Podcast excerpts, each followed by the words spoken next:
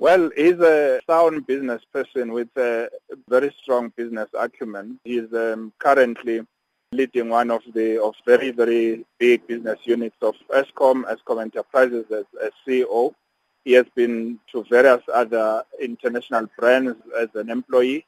And at Eskom itself, he has actually been there for quite a number of years and driving some of the cutting-edge strategies for, for various business units and also being part of the entire Eskom ESCO.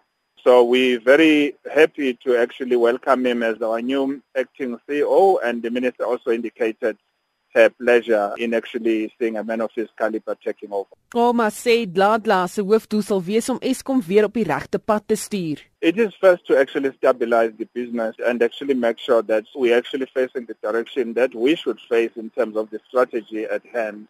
So that is the, the first uh, part of the task and I think other priorities may actually be announced as and when it is appropriate to do so. But I think the main one at this moment is for the stabilization of ESCO, stabilization of the of the trajectory that the company is actually, and actually, in fact, replenishment of the trajectory that we have identified as an organization.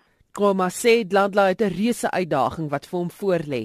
I think it's not going to be a difficult job to do. It will be a challenging one because it's acting, but I think from a skill point of view, in fact, possibly a challenging one given this, the fact that it's going to be a short uh, stint because he's acting. Otherwise, he has sufficient skill and experience and knowledge of the business to actually drive a lot of change.